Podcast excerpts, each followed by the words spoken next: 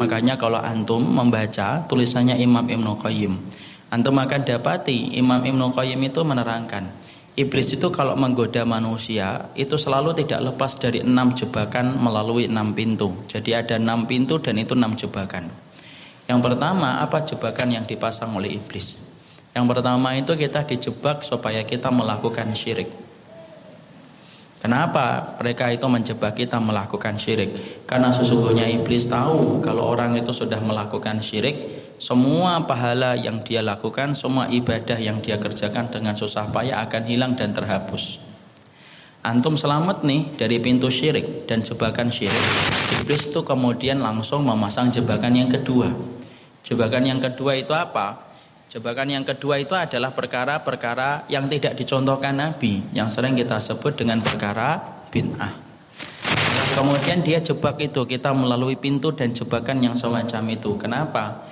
Kalau ana dan antum sudah terbelit dengan perkara yang tidak dicontohkan Nabi, waktu kita habis mengerjakan perkara itu dan tidak sempat untuk melakukan amalan yang sunnah yang dicontohkan oleh Rasulullah Sallallahu Alaihi Wasallam. Dan itu fitrahnya kayak gitu.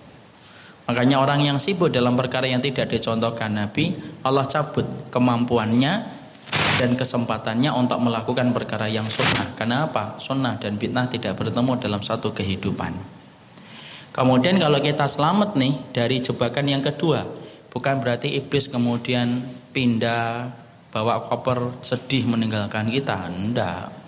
Maka kemudian iblis itu tetap datang menjebak kita dengan pintu jebakan yang ketiga. Pintu jebakan yang ketiga itu apa? Dosa-dosa besar. Supaya kita terperosok ke dalam dosa-dosa besar itu. Makanya dosa-dosa besar itu dibuat bagaimana grand desainnya iblis itu supaya kita terperosok dalam dosa-dosa besar itu. Bapak Ibu tahu apa itu strateginya setan supaya menggiring manusia melakukan dosa besar. Ternyata grand desainnya itu luar biasa. Wahid Salam Bali itu kemudian menyampaikan hafidhahullah taala Grand desainnya iblis ketika mengempung manusia dengan dosa-dosa besar yaitu yang pertama mengganti nama dosa-dosa besar itu dengan nama-nama yang tidak lagi terasa menjijikkan. Makanya WTS tidak dipanggil WTS, dipanggilnya apa? Wanita kupu-kupu malam. Ya. Maka kemudian itu, kemudian Homer tidak disebut dengan Homer, disebutnya adalah gaya hidup anak sekarang. ML apa? Zina tidak disebut dengan zina. Disebutnya apa? Hubungan pranikah ML supaya orang tidak merasa jijik. Sampai kemudian kita menyebut riba tidak disebut dengan riba bunga. Supaya konotasinya adalah kebaikan. Di situlah kita paham itulah grand desainnya iblis. Diganti casingnya tetapi komponennya tetap sama. Yang diganti casingnya supaya kita tidak terasa jijik memandang itu. Itu grand design yang pertama Grand design yang kedua iblis itu gimana supaya menggiring kita kepada dosa-dosa besar. Yang kedua yaitu adalah bagaimana kita disempitkan makna dosa besar itu. Makanya masyarakat kita termasuk dulu kita mengerti bahwasanya dosa besar itu ya hanya mencuri, membunuh, berzina, minum khamr. Sudah itu saja. Kalau orang Jawa sering menyebutnya molimo, nah itu kayak gitu. Kalau kemudian masyarakat kita ya hanya itu-itu saja. Padahal cakupan dosa-dosa besar itu banyak yang diterangkan oleh kitabullah dan sunnah. Ada 74 lebih sebagaimana yang disampaikan oleh Imam Ad-Dahabi. Kalau kita hanya fahamnya hanya lima perkara, bisa jadi ada orang yang melakukan dosa besar tetapi tidak sadar kalau perbuatan itu adalah dosa besar. Masya Allah. Dan itulah grand desainnya iblis. Antum selamat nih pada pintu yang ketiga, maka kemudian iblis memasang jebakan pintu yang ke Empat. Yang keempat itu apa? Dosa-dosa kecil yang diremehkan. Makanya dosa-dosa kecil itu perumpamaannya kata Rasulullah sebagaimana ranting yang dikumpulkan musafir ketika dalam perjalanan. Dikumpulkan ranting, semakin banyak rantingnya, semakin besar nyala api ketika musafir ingin membuat api unggun menghangatkan badannya di tengah kegelapan malam yang menggigit.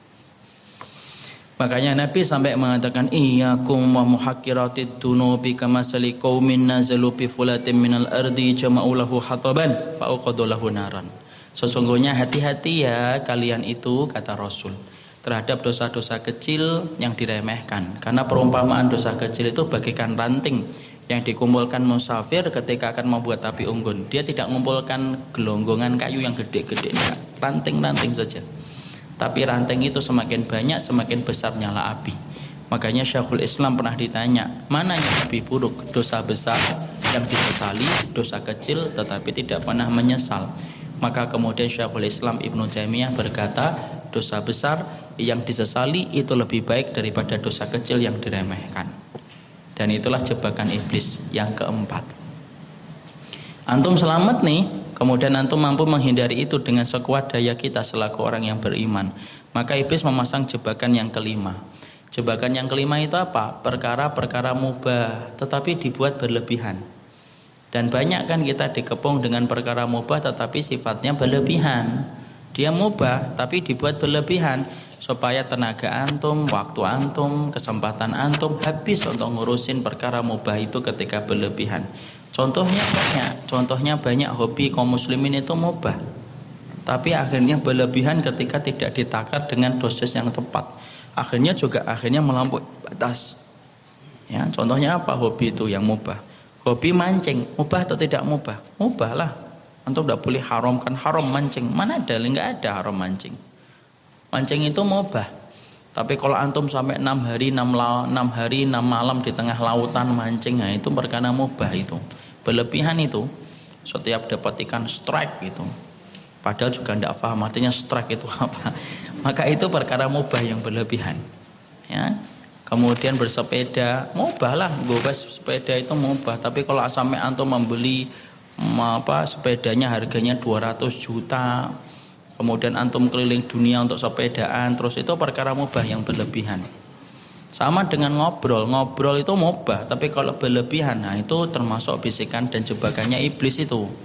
Ngobrol dari habis isya sampai subuh nah itu saya alhamdulillah Ustaz tidak pernah ngobrol. Iya tapi WA online dari habis sisa sampai subuh. Sama aja itu sama aja.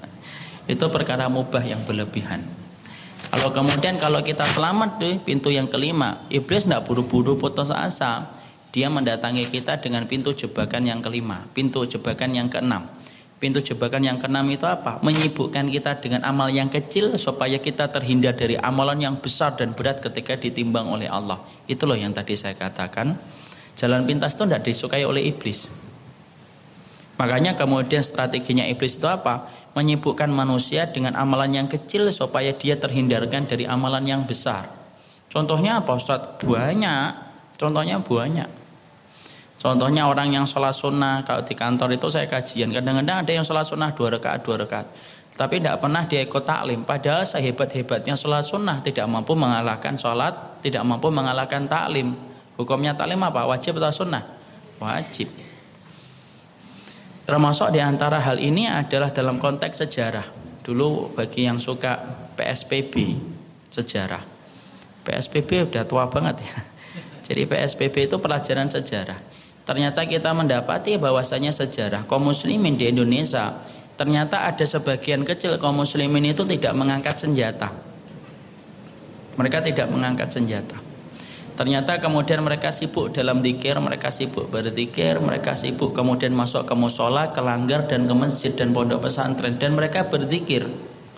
Tapi mereka tidak meruncingkan bambunya untuk mengusir Belanda itu termasuk di antara amalan. Disibukkan amalan yang kecil tetapi diluputkan dari amalan yang gede. Kenapa? Oh Belanda sudah menjarah bumi kita kok.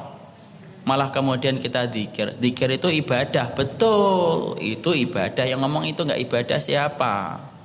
Tapi kamu diluputkan untuk berjihad untuk melawan orang kafir yang menjajah tanah bumi pertiwi dan antum lebih memilih untuk berzikir itu namanya disibukkan amalan yang kecil tetapi diluputkan dari amalan yang besar dan itulah yang saya katakan, iblis itu tidak suka kalau kita itu beramal dengan amalan yang gede. Dan lihat, segede itu grand desanya iblis ketika menggoda kita. Makanya kalau kita itu tidak menyibukkan dengan amalan yang besar pada umur kita pendek, apalagi di akhir zaman, banyak orang yang batuk tiga kali lewat, kan? Maka kalau kita tidak menyibukkan dengan amalan yang besar, maka kita khawatir kita gagal mendapatkan apa yang kita mau dan apa yang kita tuju, yaitu gagal untuk mendapatkan surga. Kalau kita tidak paham tentang ini.